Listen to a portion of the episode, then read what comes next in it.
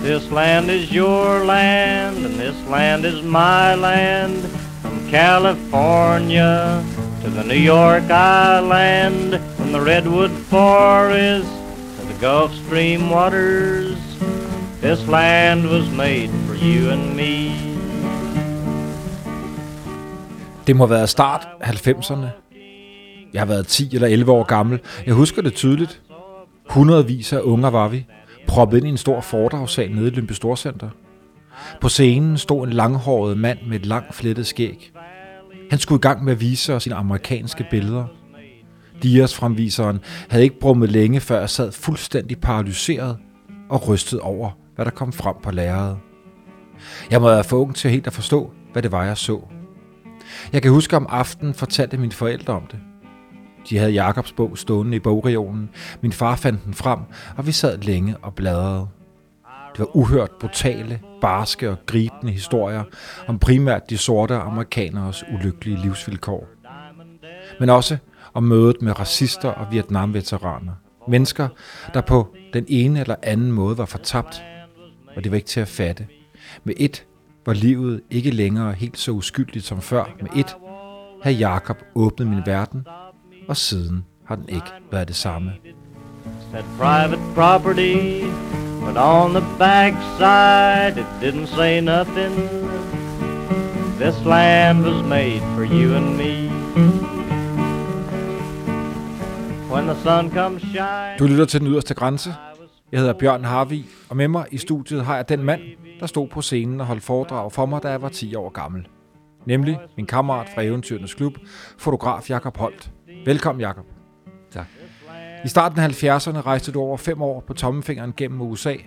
Du solgte blodplasma for at få råd til at købe de film til kameraet, og de film, du tog fra din store rejse, blev til bogen Amerikanske Billeder.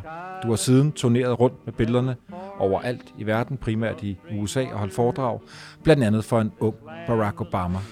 Og så har du siden fungeret som brobygger mellem det sorte og hvide USA. Jakob, hvad, hvad var det for en plan, du havde om, at du skulle til USA i start 70'erne? Jeg havde ingen plan. Jeg var bare blevet aktiv i Vietnambevægelsen, ikke? og havde rodet mig lidt for langt ud i nogle øh, sabotageaktioner, ikke? og der var politiet efter mig og så videre. Ikke? Så jeg flygtede pludselig til Canada, øh, hvor jeg havde indkvarteret en øh, pige op fra, og, øh, og så arbejdede jeg deroppe et års tid. Men jeg fløj først til New York og øh, på vej øh, derover, ikke?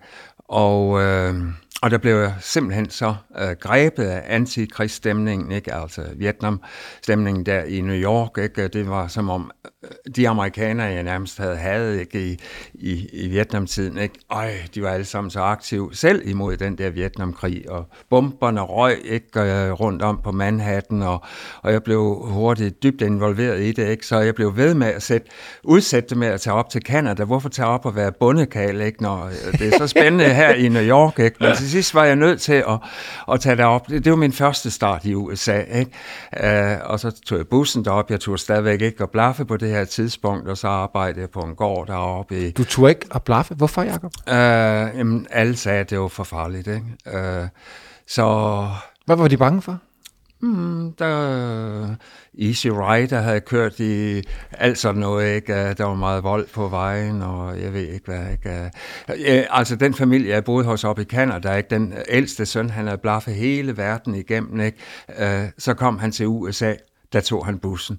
Det tog han ikke. Nej. ja, men det var sådan nogle skræmhistorier, ikke? Man, man hører de ting, og så tror man på dem, ikke? Og, og så videre, ikke? Uh, men jeg arbejdede så deroppe et Og det vender vi tilbage til. Ja, det har jeg arbejdede et års tid, og så ved juletid, ikke, så ville jeg så endelig tage afsted ned til Latinamerika, hvor planen var at blive guerilla, eller jeg var sådan stadigvæk politisk uh, på den måde, jeg skulle ned og hjælpe de der guerillaer i Guatemala. Jeg var frygtelig naiv. Jeg kunne heller ikke, uh, jeg var lige blevet smidt ud af, af, af livgarden, fordi jeg nægtede at skyde, ikke? og jeg kunne ikke tale spansk. Ikke? Altså, det er den der naivitet. Ikke? Uh, men så kom jeg uh, igennem Chicago, og alle sagde, nej, det er for farligt at blaffe. Jeg tog bussen et stykke længere ned til Springfield, ikke? Illinois. Og der blev jeg så straks samlet. Og jeg tænkte, jeg har ikke råd til at tage en bus hele vejen ned til Latinamerika. Ikke? Øh, det, som jeg kalder tryghed i Latinamerika. Ikke? Og, og det ironien er, altså, jeg skulle ned og være guerilla, og tør ikke engang at blaffe igennem USA. Ikke? Altså, den menneskelige hjerne er som lidt kiks en gang imellem. Men uh, så glemmer jeg ikke, øh, da jeg så står der og ryster nærmest ikke, øh, den første dag, øh, og, og så er der en ung, lyshøj pige, der samler mig op, Gloria Gardels, ikke? Og, og om jeg ikke havde lyst til at komme med hjem, og så boede jeg hos hendes præstefamilie, og øh, har fulgt dem lige siden. Ikke? Det var dit første lift? Hvad for noget? Det var dit første Det var lift? mit allerførste lift derovre, ikke? Øh, og jeg skal lige sige, øh, præcis på det sted, hvor, øh, mange år efter, så holdt jeg foredrag for hendes familie nede i Alabama, hvor de så boede, ikke? Øh, universitetsfolk og så videre, ikke? Men så blev hun på mærkværdig vis dræbt i en trafikulykke lige præcis på det sted, eller to kilometer derfra, på den samme landevej, hvor hun havde samlet mig op. Oh, det var mange år efter, hvor hun havde børn, og det betød meget øh, for de børn, og jeg, og jeg fortalte en øh, sød historie der til i universitetet. Ikke? Nå, men i hvert fald, jeg kom derned og til øh, en måneds tid og mødte ungdom nede i øh, øh, St. Louis der omkring. Ikke? Og det var dem, der sagde, du kan ikke blaffe videre. Ikke? Så det turde jeg ikke. Og, og så var det, jeg endte med at vende tilbage til Canada, og blaffe så tværs over, øh, over Canada, fordi jeg tænkte, det er trygt at tage igennem Kalifornien dernede. Ikke? Og øh, ja, øh, allerede den første dag, jeg trådte ind i San Francisco, der ændrede mit liv sig. Ikke? Igen, jeg blev forelsket i den der amerikanske ungdom, og øh, overalt, hvor jeg gik, ikke, øh, snakke med folk om øh, at finde sted at bo, ikke? alle mulige skønne kvinder i hippiekjoler og så videre kommer, oh, you can stay with me, og, og så videre, ikke? Og, og, men jeg, det var for tidligt på dagen, ikke? så jeg blev ved med at udsætte det, og sagde, jeg vender tilbage, giv mig lige adressen. Ikke? Øh, men den allerførste, der havde øh, sagt, at jeg kunne komme og bo hos ham, det var en sort fyr. Ikke? Jeg skal læse matematik hele natten, ikke? og du kan få min seng. Ikke? Og, øh, og, øh, og så følte jeg i løbet af dagen, ikke? Nej, du må ikke gå og vælge og vrage imellem mennesker. Det, der handler om, det er hele tiden at sige ja til det første menneske, du møder, ikke? Og, og, og gå ind i det menneske. Ikke? Ellers så begynder du at diskriminere mod hele. Du vil hellere være sammen med de unge end de gamle, og de hvide end de sorte, og så videre, og så videre. Ikke? Jakob, fortæl om ja-filosofien, som du ret ja, hurtigt... men det var faktisk der, jeg, den dag, den første dag i USA, jeg udviklede den ja-filosofi. Du skal sige konsekvent ja til øh, alle invitationer, du får, uanset om du har mere lyst til at, at gå med nogle andre osv. osv. Ikke? Viste det sig at være svært i praksis? Ja, det, jeg blev sat på en prøve allerede den første dag, fordi så tænkte jeg, jamen, så bliver du nødt til at gå tilbage til ham, den sorte fyr. Jeg vil hellere bo hos nogle af alle de søde unge hippiepiger der, ikke? Men, og, og så var det, der skete det i løbet af natten, ikke? Jeg sov i hans seng, og lige pludselig øh, så voldtog han mig bagfra. Og det er jo, altså, nu skal jeg lige sige, at jeg har aldrig set, øh, altså jeg kom ud fra Vestjylland, og, og tre dage efter det her, ikke, så blev jeg overfaldet af nogle sorte med pistoler, ikke, og jeg har aldrig set hverken den ene eller den anden form for bøsse derude, hvor jeg kom fra i Vestjylland, så det var en rystende start på USA. Ikke? Øh, og Jacob, men, undskyld, men den var ja. vigtig, fordi han næste dag havde skyldfølelse over det, han havde gjort, ikke? Og, og det må have været en lørdag nat, ikke? fordi så tog han mig en kirke, og den kirke forme øh, mit sind, øh, eller mit senere engagement. En, en meget revolutionær kirke med en sort karismatisk præst, Cecil Williams. Ikke? Og det var faktisk der, jeg hørte This land is your land, ikke? første gang, øh, og alt muligt andet. Der var rockorkester, der var homoseksuel, det var en stor blanding, ikke? hvor ellers kirker i USA, det er sorte eller hvide, total raceadskilt på det tidspunkt i hvert fald. Og øh, og hele hans tænkning øh, ændrede. Altså det handler ikke om at ændre noget på det ideologiske plan, ikke redde menneskeheden. Nej, det handler om at leve med mennesket, som det er her på jorden. Ikke? Og det lærte jeg den kirke. Ikke? Jakob, hvordan kan det være, at du ikke bliver slået ud af de mange vil mene meget barske oplevelser, du bliver udsat for bare den første tid som blaffer, og det bliver så snart vagabund? Uh, jeg tror, fordi jeg uh, i hvert fald meget hurtigt uh, Blandt andet med ham der, ikke? der voldtog mig den første nat, ikke? Og, og det var virkelig ikke sjovt. Ikke? For nu er jeg ikke bøsse, skal jeg lige sige. Og jeg, men det gjorde jeg faktisk, at jeg siden han blev enormt aktiv i bøssebevægelsen derovre. Ikke? Uh, men øh, altså, der kom det gode ud af det, og det kunne jeg mærke med det samme. Hvis du tillader dig selv at gå igennem smerte og lidelse, så havner du i hæmmeri, Ikke? Jeg havner i hvert fald i den kirke, som ændrede mit liv, og det var en form for hæmmeri på mig på det tidspunkt. 11 år efter, da jeg kom med alle mine medarbejdere fra Danmark, vi skulle starte vores øh, amerikanske billeders teater der i San Francisco, så kom der til festen en øh, sort fyr, sådan lidt nervøs op, og jeg kunne huske ham, jeg kunne ikke huske når ham, ikke? Og jamen, du boede hos mig engang. Jamen, jeg boede boet hos millioner af sort siden dengang, ikke? Og, og så beskrev han, at det var ham, der havde voldtaget mig den nat, ikke? Og så gav jeg ham et enormt knus og sagde, tak for amerikanske billeder. Uden dig var det her den her succes jo ikke blevet til noget. Fordi så var jeg taget videre ned til Latinamerika. Ikke? Han var grund til, at jeg lærte at leve med mennesker, det smerte og, og så videre, i stedet for at leve i en ideologisk verden. Ikke?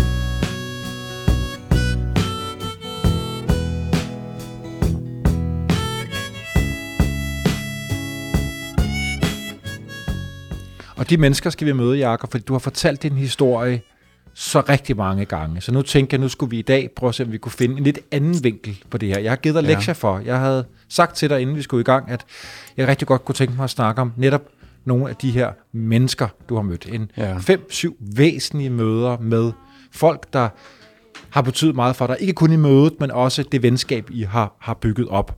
Og, ja. og, det, og det er der, vi skal ud. Vi skal møde nogle af de her mennesker. Du sagde, du rigtig gerne vil tale om, tale om Marley. Sokol. Marley Sokol, ja. Hvem, er, hvem var hun? Ja, hende er en jødisk uh, jab, som man kalder for Jewish American Princess. Ikke?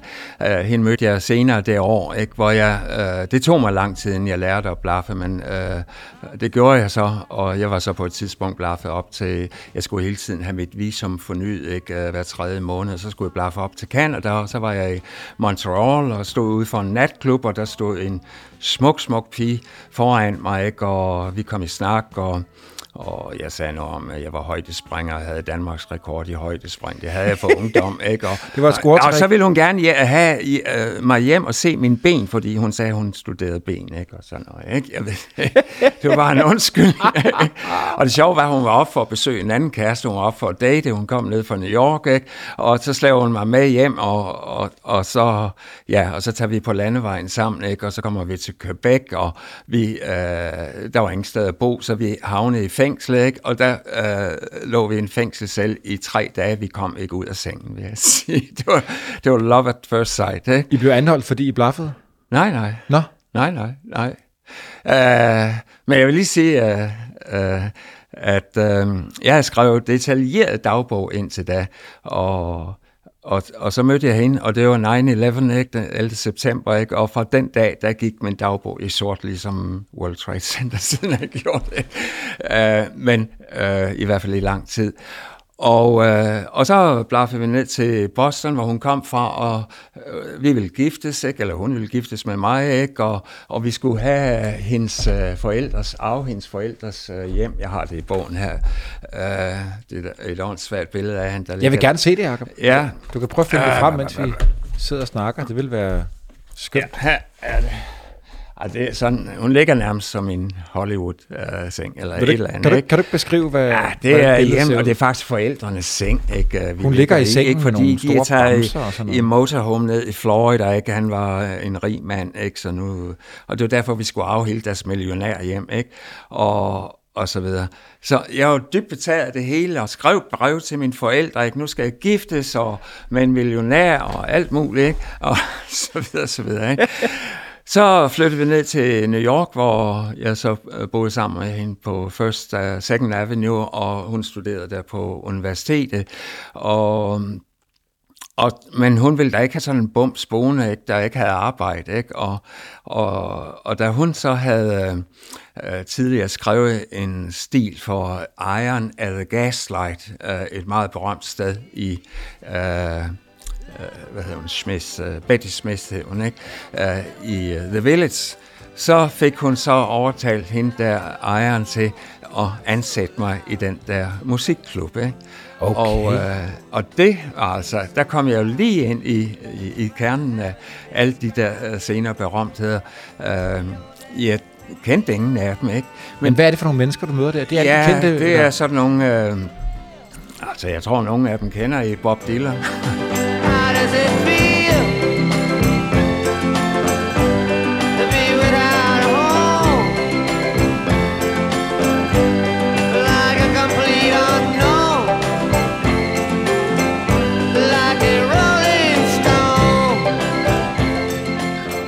Ham smed jeg ud en aften, fordi jeg kendte ham ikke. Og, og, og jeg havde, øh, i begyndelsen var jeg dragman, ikke? Og skulle stå og hive folk ind fra gaden, ikke? Og, så, og jeg havde ligesom fået, hørt, at jeg skulle ikke lade portorikanere og sorte komme ind, fordi de lavede ballade og sådan noget, ikke? Og han, Bob Dylan, der han lignede sådan en portorikaner, ikke? Så jeg smed ham ud, ikke? Og heldigvis var Betty Smester den aften, ikke? Og hun kom, hej, ej, det er jo Bob Dylan. Bob Dylan. Nå, ham har jeg da hørt om på højskolen. så, og, øh, men, øh, og jeg var lige ved at blive fyret der, ikke? Ja, Fordi, det forstår man. Øh, men alle de andre, ikke? Jeg fik, øh, så steg jeg i graderne, ikke? Og så var det min opgave at introducere dem på scenen hver aften, ikke? Og der var altid to navne, en kendt en og en ikke så kendt en, ikke? Og jeg stod der med de navne, ikke? Og nogle gange så fik jeg byttet rundt på dem, ikke? fordi jeg ikke kendte de der musikere. Ikke? og, øh, og så buede publikum, ikke? Øh, og jeg kunne se, at jeg havde lavet en fadase der. Jeg havde ikke læst leksen godt nok. Godt nok. Altså, det var Cat Stevens, det var øh, øh, Phil Oakes og Bonnie Raitt, ikke? Øh, og, og sådan nogle senere verdensstjerner. Ikke? Det opdagede jeg faktisk, øh, når jeg gik ud i pladebutikken, så så jeg pludselig deres plader derude. Ikke? Og gud, det er da ham, jeg lige introduceret forleden dag og sådan noget. Ikke? Så øh, sådan blev jeg introduceret sådan på en kantet måde ind i musikverdenen. Ikke?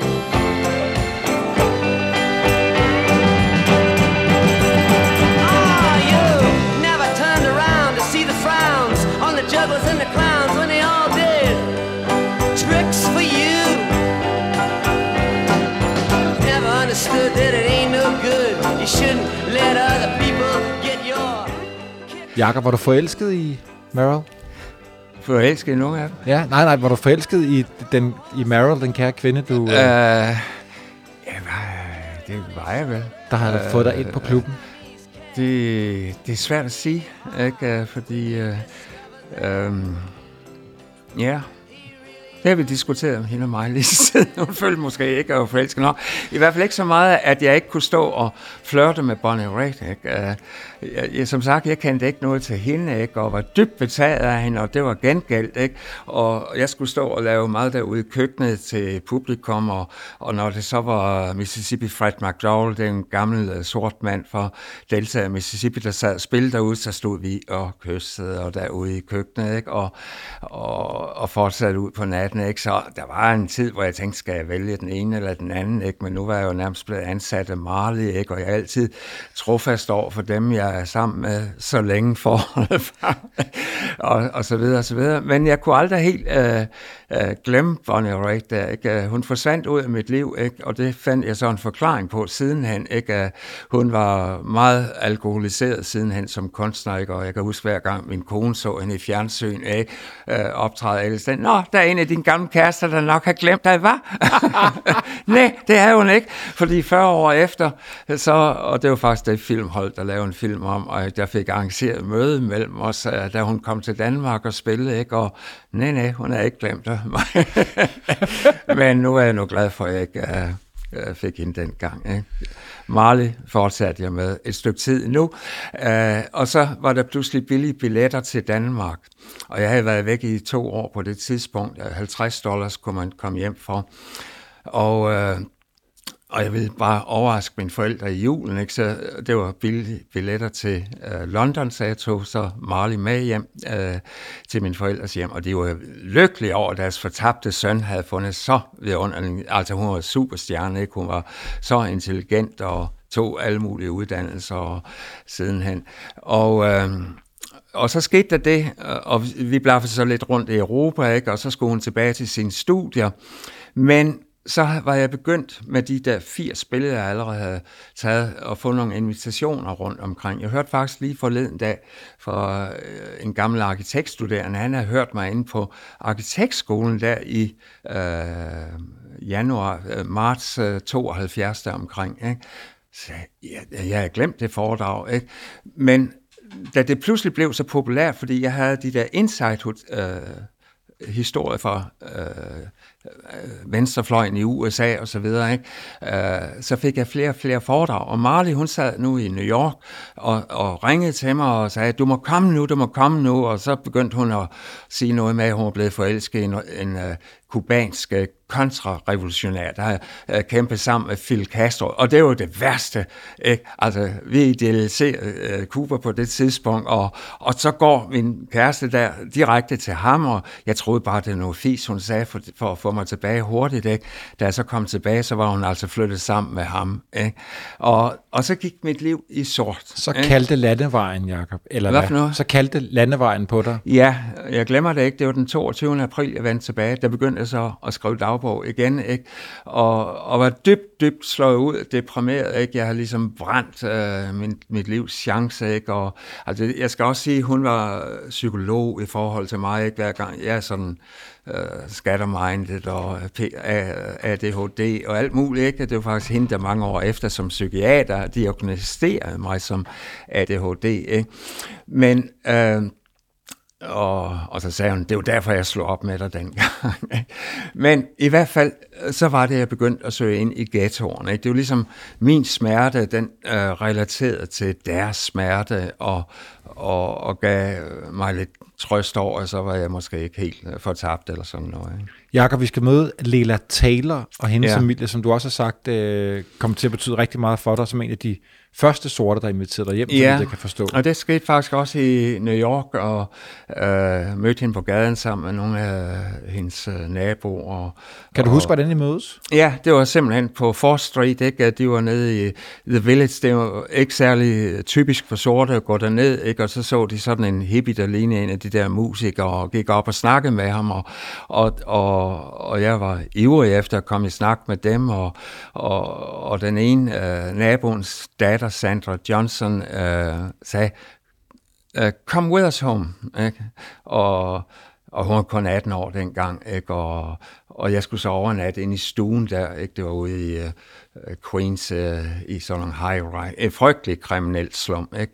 Og, uh, og, øh, men, og det er en lidt lang historie også, fordi øh, øh, Lela blev så, hun var sådan den rummelige, der bare inviterede alle ind, og, og jeg har haft, jeg ved ikke, hvor mange danskere med sidenhen og besøg en Pia Taftrup og alle mulige. øh, min far og min søn, og har leget med øh, hendes børn osv. osv. Ikke? Øh, og, men hende, der egentlig sagde kom med os hjem. Ikke? Hun prøvede at flirte med mig den aften, og vi skulle sove sammen derinde på øh, stuegulvet. Ikke? Øh, men så kunne jeg mærke, at hun kunne ikke gennemføre det, ikke? skønt hun egentlig godt ville. Ikke? Og, og så så jeg hende igennem årene. Hun er faktisk med i bogen her. Ikke? Øh, Lela er? Øh, nej, Lela er ikke. Hun okay. var sådan... Øh, altså kvinden, øh, der så fik men, øh, Sandra der, ikke... Øh, Altså, det var en stor familie, jeg blev inviteret ind i. Altså, det, jeg finder det om lidt. Uh, så, uh, og så viste det sig mange, mange år efter, hvor hun var begyndt ikke at komme til festerne, når vi havde fester og barndåb og så videre, og så videre, ikke? Og så fandt jeg frem til en ude i The Bronx, ikke? Og der fortalte hun mig først, for første gang, øh, Øh, ikke bare hende, men hendes to søstre, de var blevet voldtaget af deres far hele barndommen igennem. Ikke? Faren, som jeg havde kendt og fotograferet og, og så videre. Ikke? Og, og hun var aldrig kommet ud af det, ikke? Og, og havde aldrig haft et uh, forhold til en mand sidenhen og, og så videre. Ikke? Så øh, det er bare en af de der øh, fortløbende historier, jeg har fået ud af at holde fast i de samme mennesker. Ikke? Øh, nogle af dem jeg, jeg kan også huske øh, Stevens begravelse, ikke? det var i 90'erne en gang. Ikke? Det var ham, min søn havde leget med som lille. Uh, min søn var ni år, da jeg havde med derude. Ikke? Og, og, øh, og så blev han pludselig skudt som 18 år. Han uh, trådte ud af en butik og blev uh, bare skudt. Og, uh, og det var den femte øh, af dem, jeg havde kendt i Lelas familie, der blev myrdet. Ikke? Og til begravelsen, ikke? Øh, den glemmer jeg heller aldrig, fordi øh, der havde jeg PBS, de var ved at lave en film om mig derovre, og jeg havde taget filmmand med derud. Ikke? Og så havde de ansat en præst til at, øh, en komiker, som også var præst, ikke, til at holde talen, og han fyrede bare vidtigheder af foran Stevens kiste der. Ikke? Og til sidst, we can't cry our pain now any longer, let's laugh it out. Ikke? Der var så meget smerte ikke? i de der crack-år. So long, singing the same old song. I know every crack in these dirty sidewalks of Broadway. Where hustle's the name of the game, and nice guys get washed away like the snow. Vi lå, og jeg lå og slog mig på øh, maven af grin øh, på gulvet. Ikke? Jeg skulle fotografere, man kunne nærmest ikke tage billeder og, og, og så videre. Ikke? Og en af dem, øh, Stevens søster, ikke, øh, lovede jeg så at, at komme tilbage med på forårsturnéen ikke, med alle billederne. Da jeg så kom tilbage med billederne, så var hun blevet skudt øh, sammen med øh, øh, nogle andre i en butik af strejfkugler og så videre, ikke? Og, og død. Ikke? Ej, det var vist den femte, tror jeg, der døde den familie. Ikke? Jakob, nogle af de her folk, du møder, og du bygger et meget langvarigt, øh, ja. tæt venskab op med, tager det tid for dig at få deres, hvad kan vi kalde det, inderste historier, men andre, når du er blaffer på landevejen, skriver du i, i flere af dine bøger, at du bliver samlet op, og så bliver du en eller anden form for skriftestol for de her folk, du aldrig har mødt før, og heller ikke ja. kommer til at, at, at se siden. Ja hvordan i alverden var det, at du hver dag skulle øh, altså, på en eller anden måde lægge øre til, eller være den, der prøvede ja, at forstå de her mennesker og deres inderste Jeg historie? skal sige, når man får uh, typisk uh, 19-20 lifts hver dag, ikke? man er nødt til at lukke af, ikke? Og, og noget føler man, det kan man ikke bruge. Men nogen kan man så mærke, der er en person her, der har brug for at snakke med en, som de ikke kan snakke med. Altså, der er en enorm ensomhed på landevejen i USA, eller i det amerikanske samfund i det hele taget. Ikke? Og, og der kunne jeg øh, meget hurtigt mærke, at jeg blev sådan en slags øh, omvandrende social uh, arbejder, og, eller noget i den stil. Ikke? Og, og min opgave var at lytte. Ikke? Og, og det var jeg god til, når jeg kunne høre, at der virkelig var smerte og lidelse, ikke alt muligt andet, sådan uh, også god til at lukke af for, ikke? den dag i dag. Ikke? der siger så meget vrøvl, synes jeg. Men, uh, Eller du har hørt det, der var værre måske hver gang. Ja, der nogen, der og det anklager mine venner mig også for, ja, hver gang vi har en lille, øh, skåret en lille finger af, så har Jacob mødt nogen, der har fået benet hugget af, og, ja, altså, og, øh, ja, det er et problem nogle Det er gange, bagsiden ikke? af Det er bagsiden af det, ikke? Uh, jeg tror, alle eventyr kan relatere lidt til det der, ikke? Jakob, du møder en mand, der kommer til at blive din rigtig nære ja. venner, som også kommer til at rejse rundt med dig og holde foredrag. Det er Tony Harris. Ja. Fortæl om Tony. Uh, jeg var, øh, det var i 73, jeg skulle ned, og der var jeg blevet bevidst om, at jeg var ved at lave et dokument om de sorte, ikke? og så ville jeg ned og se tobakshøsten nede i øh, det østlige øh, North Carolina. Ikke? Øh, jeg vidste ikke helt, hvor det var. Ikke? Jeg fik et lift og havnede i Greensboro, og blev så inviteret hjem af en sort socialarbejder. Ikke? Og en dag tog han mig, øh, Mac hed han, ikke? så tog han mig til sin øh, drug rehabilitation klinik, ikke? Og, og sagde, at jeg ikke ville underholde øh, fængselsfangerne, der kom ud hver dag fra fængslet, ikke? Og, og, og jeg sad der så og, og snakkede med dem om alt det, jeg havde oplevet i det sorte samfund. På det tidspunkt havde jeg så fået en enorm visdom, ikke? Øh, øh street visdom, ikke? men i hvert fald... Øh, og de sad øh, fuldstændig altså lammet, ikke, det der, ikke, øh, over at høre så meget om deres eget liv, fortolkning af deres eget liv, de der fængselsfanger og narkomaner, ikke? Vi har faktisk lyd på den kære Tony Harris, øh, hvor han fortæller om mødet med dig, og hvad det var, du også talte med de her meget, øh, måske kan vi kalde dem negativ over for hvide mennesker, øh, fanger ja. han havde med at gøre. Prøv at lytte med, Jacob. I met Jacob in 1972. Uh, I was I was running a outpatient clinic for drug addicts um, and prisoners. Um, these prisoners would come from prison in the morning uh, and be in treatment with me all day and return to prison at night. Uh, Jakob had hitchhiked into town the night before and came over to visit the to visit the guy he had stayed with. That was uh, my coworker. Uh, he wasn't there, and someone asked me to come up and talk to this guy uh, with the beard and And so I came up and I found out he was Danish and he had a book of pictures that he used as a conversation piece. A lot of hardline Marxist, Leninist rhetoric, and uh, but I could see he had the right idea. And uh, I said, well, this gives me opportunity to expose some of my clients to, to a foreigner. So I had him come down and talk to my clients. Most of them were very, uh, almost 90% are black. They're anti-white, extremely negative. Uh, and uh, he came down, talked to them for two hours about his impressions of America, his impressions of uh, things about Denmark. And uh, for two hours, they sat there really quite fascinated with the whole with him. They had very short attention spans as well, but they sat there and they listened. And uh, in those two hours, Jakob, fortæl om uh, dit og Tonys forhold. Ja, uh, Tony var også counselor der i uh, den Drug Rehabilitation Center, ikke? og han havde et uh, rivaliserende forhold til ham, Mac, der havde, som jeg nu boede hos. Ikke? Og Tony blev jaloux. Han, han kunne mærke, at at jeg, øh, han var dybt optaget af min tænkning, ikke? så han inviterede mig ud på middag en dag, ikke? og sagde, vil du godt flytte ind hos mig, ikke? det ville være en sejr over for Mac. Ikke? Og der boede jeg så siden. Øh, fordi Tone og mig, vi havde fuldstændig den samme tænkning. Øh, og og det blev jo et enormt konstruktivt forhold. Ikke? Prøv at fortælle, Jacob. Men jeg vil lige sige det ja. med den antihvide stemning. Det oplever jeg hos Tony. Han sagde, at du er den første hvide mand, jeg nogensinde har inviteret ind. Han, vil, han nægter at invitere hvide ind. Ikke? Og det oplever jeg måske 80 procent af de sorte hjem. Uh, de vil ikke have en hvid inden for døren. Og det er så vigtigt at forstå. Det var i de år, lige efter borgerretskampens tid, hvor nu troede de, de skulle have frihed, ikke? og skulle integreres med de hvide, ikke? og hver eneste by, de flyttede ind i i Norden, og rundt omkring, ikke? så flyttede de hvide ud og tog deres børn ud af skolen, og skubbede i virkeligheden de sorte ind i ghettoer. Ikke? Så kommer der den modreaktion, man må ikke fraternisere med undertrykkeren, ikke? Og, og den var slået igennem over alt, og især blandt de bevidste sorte som Tony. Ja, øh, altså hans venner var rystet ikke, øh, over, What is this white dude doing in here?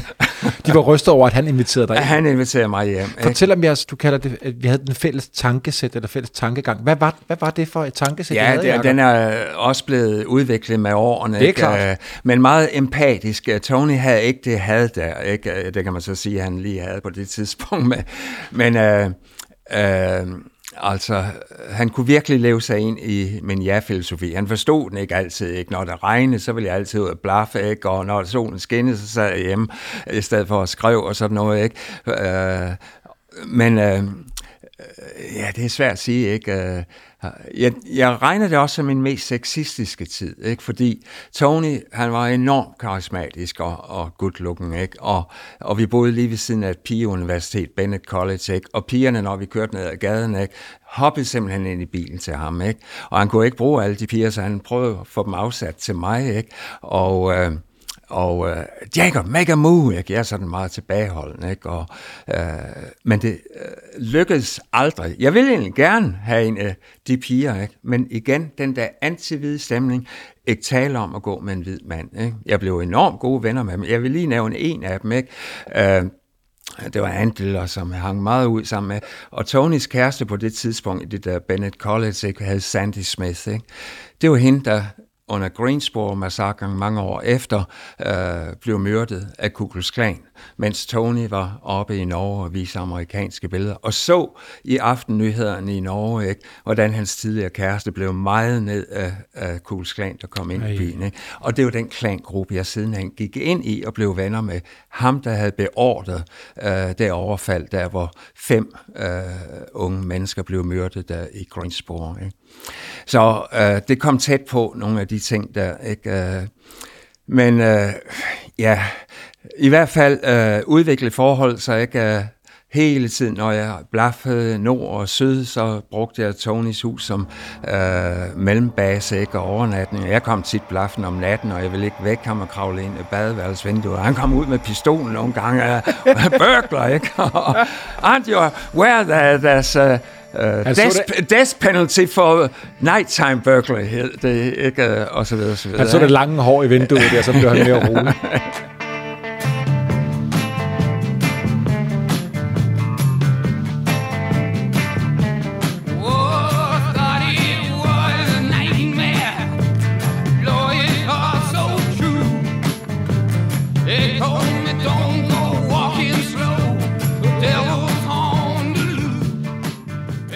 Men i hvert fald øh, mange år efter, da øh, mit show så blev en succes i Europa, så sendte jeg et, et brev til alle mine amerikanske venner for at fortælle dem om det. Ikke? Og den første, der reagerede, det var Tony. Jacob, I'm coming over. Og der startede vores livstidsforhold i virkeligheden, ikke? hvor han så har øh, kørt rundt med show i hele Europa. Og så sidenhen, da vi flyttede til USA, så har han stået på scenen sammen med mig i 40 år. Og det var hans tænkning, øh, eleverne var mere præget af end min tænkning. Ikke? Altså vi supplerer i virkeligheden hinanden fantastisk godt. Jakob, du nævner dem selv, Ku Klux Klan, som jeg også kan huske som ung dreng, at jeg var sådan på en eller anden måde rystet mm. over, at du kunne være venner med de folk der. Fortæl ja. om, om mødet med dem. Jamen, det, og dem er der mange af. altså meget. Men der, der mødte jeg ikke min vagabond over. Ikke? Okay, så det, det, det efter... kom først sidenhen, da jeg begyndte at turnere i USA. Ikke? Så det hører ikke med hjemme Nej, i den men så holder, så holder vi dem. Så ved jeg i hvert fald, at mange af de folk, du fik et, eller i hvert fald nogle af de folk, du fik et lift af, var øh, Vietnam-veteranerne. Og ja. det var jo en af årsagerne til, at du egentlig var kommet ja. derover, den der anti-Vietnam-stemning. Ja. Hvordan var det at blive samlet op af dem? Altså, jeg har jo selvfølgelig fordomme over for dem i begyndelsen, ikke? Øh, men når jeg så blev samlet op af dem og hørt deres forfærdelige historie, det var rystende en gang. Jeg kom i Bluff i Mississippi, blev samlet op af en, en lastbilchauffør, ikke? Og, og så begyndte han at fortælle, Uh, han var lige, jeg var den første, han har snakket med, efter han var blevet sendt hjem. Uh, honor, dishonorable discharge fra, fra Vietnam. Ikke? Det han har gjort, det, altså, han har set øh, sine kammerater øh, skyde en hel landsby ned, myrde folk. Ikke? Og, og så blev han fuldstændig desperat, ikke? Og, og, og tog øh, en bajonet og skar selv maven op på øh, en kvinde og, og flåede barnet ud og hamrede det ind i et træ og så videre, og så videre. Der var vidner til det, og to dage efter gik han ned ad gaden i Los Angeles. Han blev simpelthen sendt hjem med det samme. Ikke? Og han turde jo ikke fortælle sin familie alt det. Ikke? Han fik så et job som lastbilchauffør, og jeg var, sagde han, den første, han havde fortalt alt det der til. Ikke? Og så er der nogle rystende historier. Ikke? Du bliver, skrift, meget du, bliver, du bliver skriftestolen. Ja, det blev jeg i hvert fald, og, og især over for de Vietnam-veteraner. Hvordan kan det være? Og det var enormt godt for mig, fordi jeg har altid sagt, øh, altså undertrykkerne er lige så menneskelige som den undertrykte. Ikke? Og, og, og så videre, og så videre. Ikke? Så altså, her kunne jeg se menneske i alle de der, jeg tidligere havde som undertrykker og soldater, og hvad de nu gjorde. Jakob, hvordan kan det være, at han samler dig op og fortæller den her historie? Han har selvfølgelig haft behov for det, forestiller jeg mig, men, men øh, hvad, hvad, hvad gjorde du? Altså, Ej, i det jeg, jeg tror, det var øvrigt så klokken 6 om morgenen, kan jeg huske. Ikke? Jeg tror, at, at uh, der, han sagde et eller andet, han har været i Nam, og så sagde jeg, ja, jeg, selv, jeg ved alt om Vietnam og dit og datten, ikke? Og, og så begyndte samtalen, og så i løbet af samtalen, så, så væltede det ud, ikke? det som han ikke havde turt at sige til andre. Ikke? Øh, og det tog ham lang tid. Øh, nej, den, jeg har ikke fulgt op på ham, det vil jeg lige sige, ikke? men jeg ved, han, det tog lang tid, inden han øh, kontaktede familien. I hvert fald har han ikke gjort det på det der tidspunkt. Ikke? Så øh, ja, men men øh, det der handler om øh, egentlig også om den næste historie, ikke? det der leve sig ind i de mennesker, man møder, som man egentlig ser som undertrykkere øh, først. Øh, og der vil jeg så lige nævne Rockefeller-familien, ikke? og der får jeg så tit spørgsmål, hvordan havner du der? Ikke? Jamen, det er også sådan en typisk vagabond-historie. Ikke? Jeg øh, vil ud og se øh, fra Washington, ud og se kulminearbejderne ude i West Virginia, ikke? Og, og, men foråret er øh, tre måneder, jeg tog stadig en øh, skjorteærmer, og jeg kom derud, øh, og øh, pludselig stod jeg en snestorm derude. Jeg vidste ikke, at foråret er tre år tre, må, øh, tre uger bagefter øh, i Washington. Ikke? Og der stod jeg så en hel dag fuldstændig og frøs og led ikke, i en snestorm. Ikke? Øh, og, og det der altid sker, når man står sådan, ikke? folk de siger, han, han tør vi ikke samle op, det er en bortløben kriminel osv. Ikke?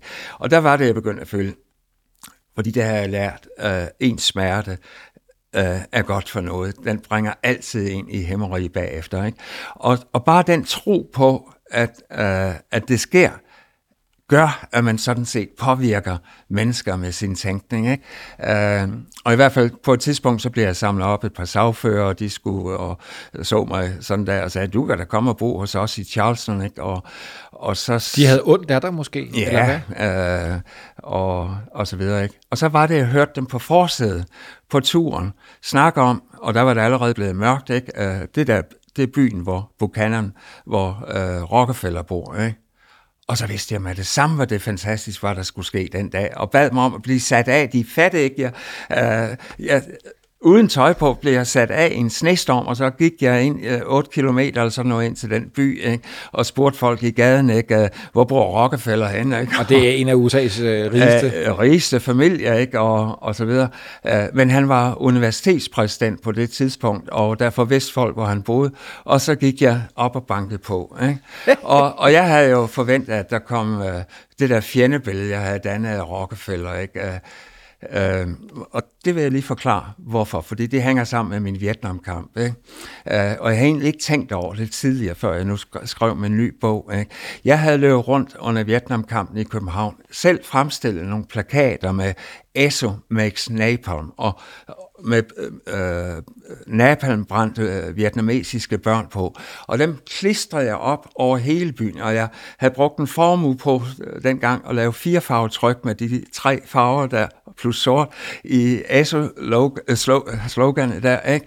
Og det var så effektivt. Vi havde politi jagten os efter os overalt, hvor vi satte dem op. Ikke? Øh, og, øh, og, og det var så effektivt, så ASO de satte en hel her af folk til at, at gå ud og spraye med alle de der. Ikke?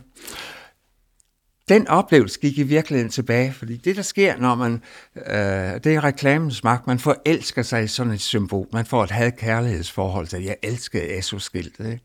til sidst. Det var så i mellemtiden blevet erstattet med Exxon i USA, men same difference. Øh, og da jeg så fandt ud af, her er øh, selve undertrykkeren bag den der øh, ESO-kampagne, ikke? Øh, eller Napalm og alt det, ikke? Det, øh, det er en lang historie, ikke? Men, øh, fordi det var faktisk ESO, der havde opfundet mere eller mindre øh, det der Napalm, ikke? Så tænker jeg, det er der, jeg skal ind, ikke? Og hos den der undertrykker, ikke? Og hvad sker der så? Ja, hvad sker der, når du en gammel, at se en gammel mand, så kommer der en ud, ung øh, kvinde ud, og, og, og jeg troede, det var tjenestepigen, så jeg sagde med det samme, is Rockefeller home? Uh, no, he's not. og, uh, men, uh, og jeg sagde det på en måde, så uh, hun har troet, at jeg havde en aftale med ham, ikke? Uh, fordi han netop var universitetspræsident. Jeg kunne have været en af studenterne og sådan noget. Ikke? Og øh, så tog hun mig ind. Han, han kommer senere, ikke? Og, og så øh, fandt jeg ud af, at det var hans kone, Sharon Rockefeller. Ikke? Og... Øh, og så har du fået noget at spise, ikke? Og så begyndte hun at lave aftensmad til mig, ikke? Og inden længe, så kom flaskerne, og så synes uh, hun, at det var så spændende en historie, hun tilkaldte naboer, og da Mr. Rockefeller endelig kom hjem, uh, så sad vi der og, og drak, uh, og, og han troede, jeg var en ven af konen, så han, ingen spurgte nogensinde om, hvorfor jeg var der, ikke?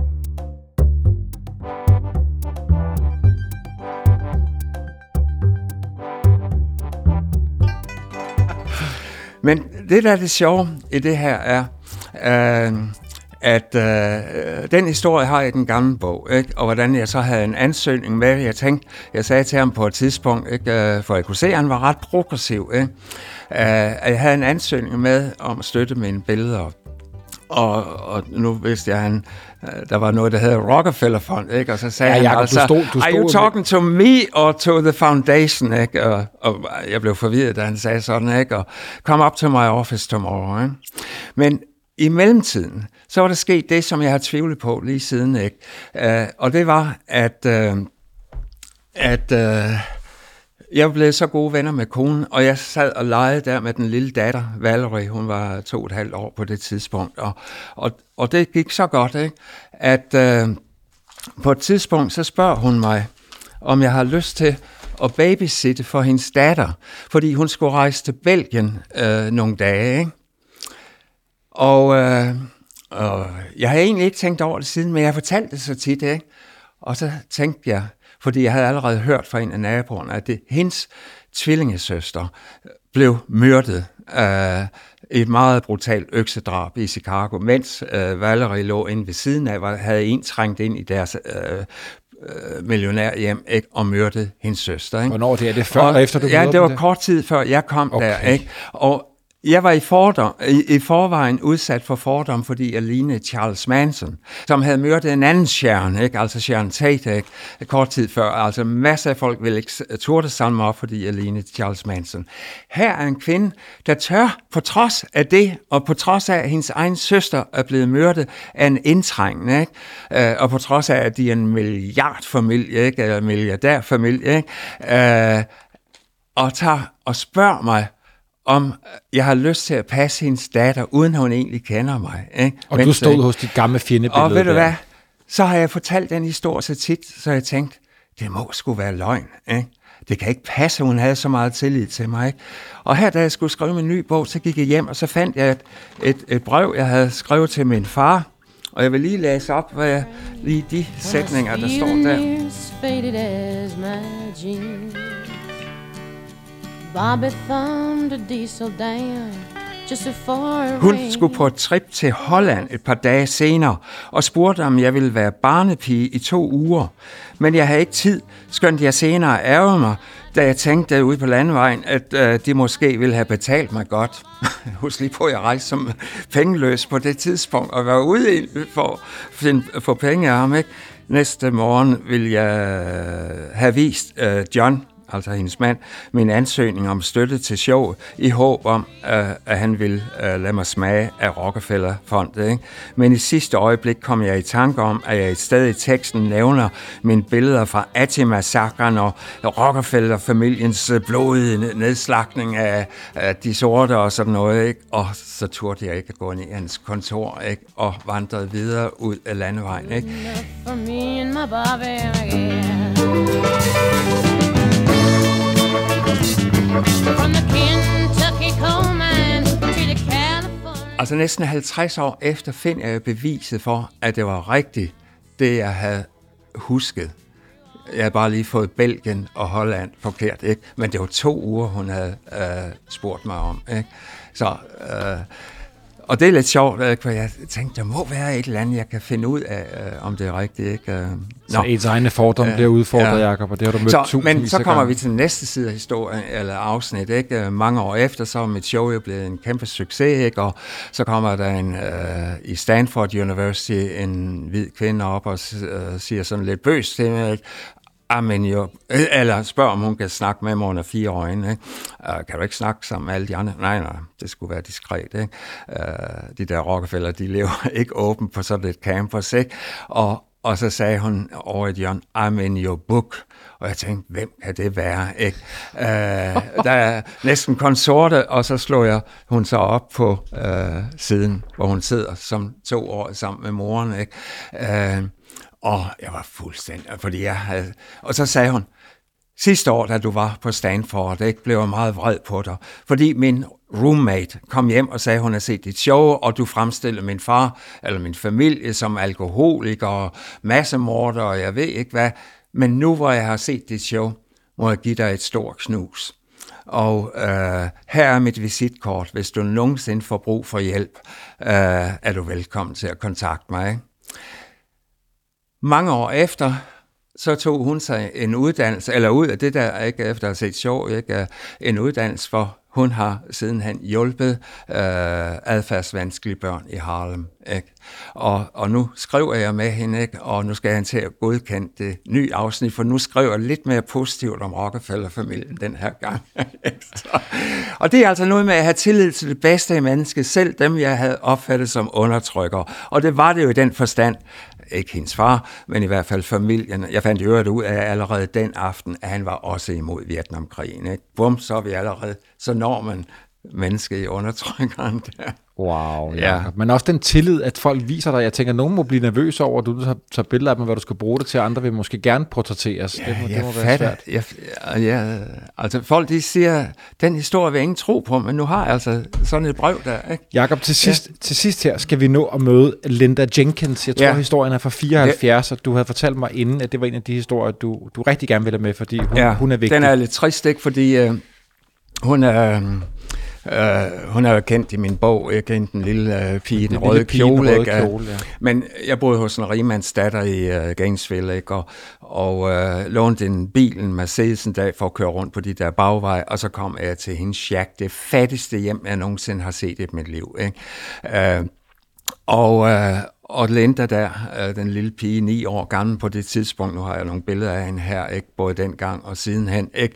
hun åbent inviterede mig ind og, og, og lå mig to billeder, og kunne hurtigt finde ud af, hvad slags billeder jeg var interesseret i. Ikke? Og det blev de smukkeste billeder. Ikke? Og lige siden, øh, så har, når den sekvens kommer ikke? med musikken Now That We Found Love, øh, som slutter første del af mit show, har jeg set amerikanere igennem 30-40 år gå grædende ud, ikke?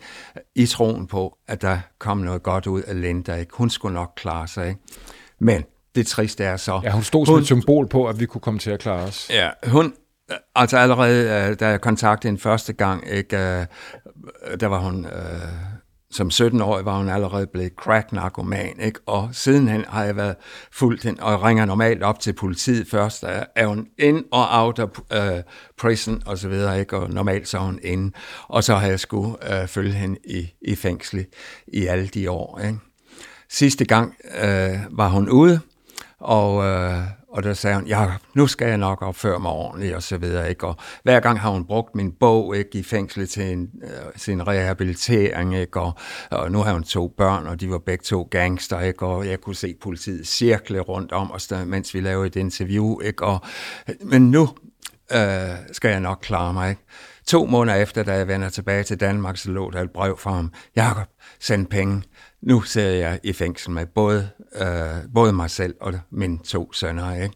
Hvad skete der med hende, Øh, Jacob? så, Hvad hva? skete der med hende afslutningsvis? Er hun stadig i live? Øh, jeg har på det seneste øh, googlet hende, øh, og jeg kan ikke helt øh, se, øh, øh, Øh, hvor hun er. Nu har jeg ikke lige afsluttet hendes historie, fordi jeg tager dem enkeltvis, ikke? Øh, og jeg har ikke øh, rejst i USA, fordi hver gang jeg var dernede, så prøvede jeg at opsøge hende og, og hjælpe hende. Og jeg har faktisk, øh, vi prøvede altid, de sorte og mig, i amerikanske billeder, og øh, få hende ud, og, og at hun skulle være en af vores medarbejdere og køre rundt, ikke? fordi hun havde den der dybere forståelse af det hele, ikke? og alligevel sådan en brainy kid, der blev ødelagt af crack og vold og, og så videre. Ikke? Og det sjove er, at jeg har også fulgt hendes bror. Åbenbart den samme barndom, de havde. Han har aldrig været i fængsel. Ikke? Så det er så mystisk det der med, hvordan øh, mennesker bliver formet af den undertrykkelse, de går igennem. Ikke? Men øh, vi fik hende aldrig ansat i amerikanske billeder. Vi havde ikke tillid til, øh, at hun kunne klare det. Ikke? Eller vi har ikke tid til det. Vi havde så travlt med vores egen succes. Og det er problemet om for succes. Man glemmer dem, der har givet en succes. Og med de ord, Jacob, tak for, at du var med i dag. As I went a walking that ribbon of highway, and I saw above me that endless skyway.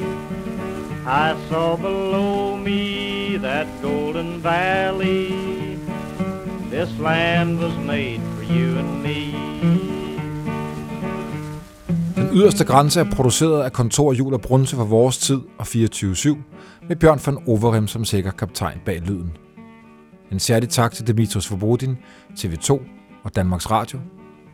Find serien på vorestid.dk eller der, hvor du normalt finder dine I podcasts. roamed and rambled and I followed my footsteps sparkling sands of her diamond deserts. All around me, a voice was a sounding. This land was made